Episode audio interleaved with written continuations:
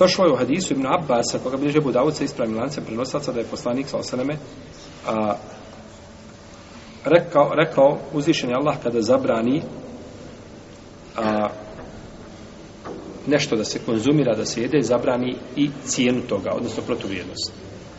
Ne smiješ piti alkohol, ne možeš prodati šta? Ne možeš ga prodati pa koristiti. Ne smiješ svinjsko meso konzumirati, ne smiješ. Ne smiješ, znači, psa prodati pa jeli, da se, znači, pas proda, osim tamo gdje postoji razilaženje po pitanju, jeli, psa ovaj, za lov i tu je došlo razilaženje islamskih učenjacima zbog hadisa kod Nesaije, iako bi dostojnosti tog hadisa, ili zbog, ali, ali u osnovi znači da kažemo ono što je zabranjeno, a, ono što je zabranjeno konzumirati, zabranjeno i prodavati. Zabranjeno je i šta? Pa alkohol ne može prodati. Zato kada bi ti naišao, naišao putem i neko vuče bačvu za 100 litara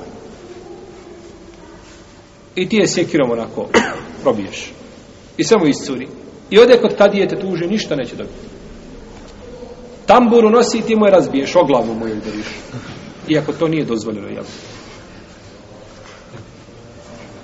Ali ti ponesu emocije, pa je razbiješ. Ne moraš mu šta? Platiti. Zato što je to munker, to je zlo, to je šar. Znači, to nema svoje vrijednosti. To nema svoje vrijednosti.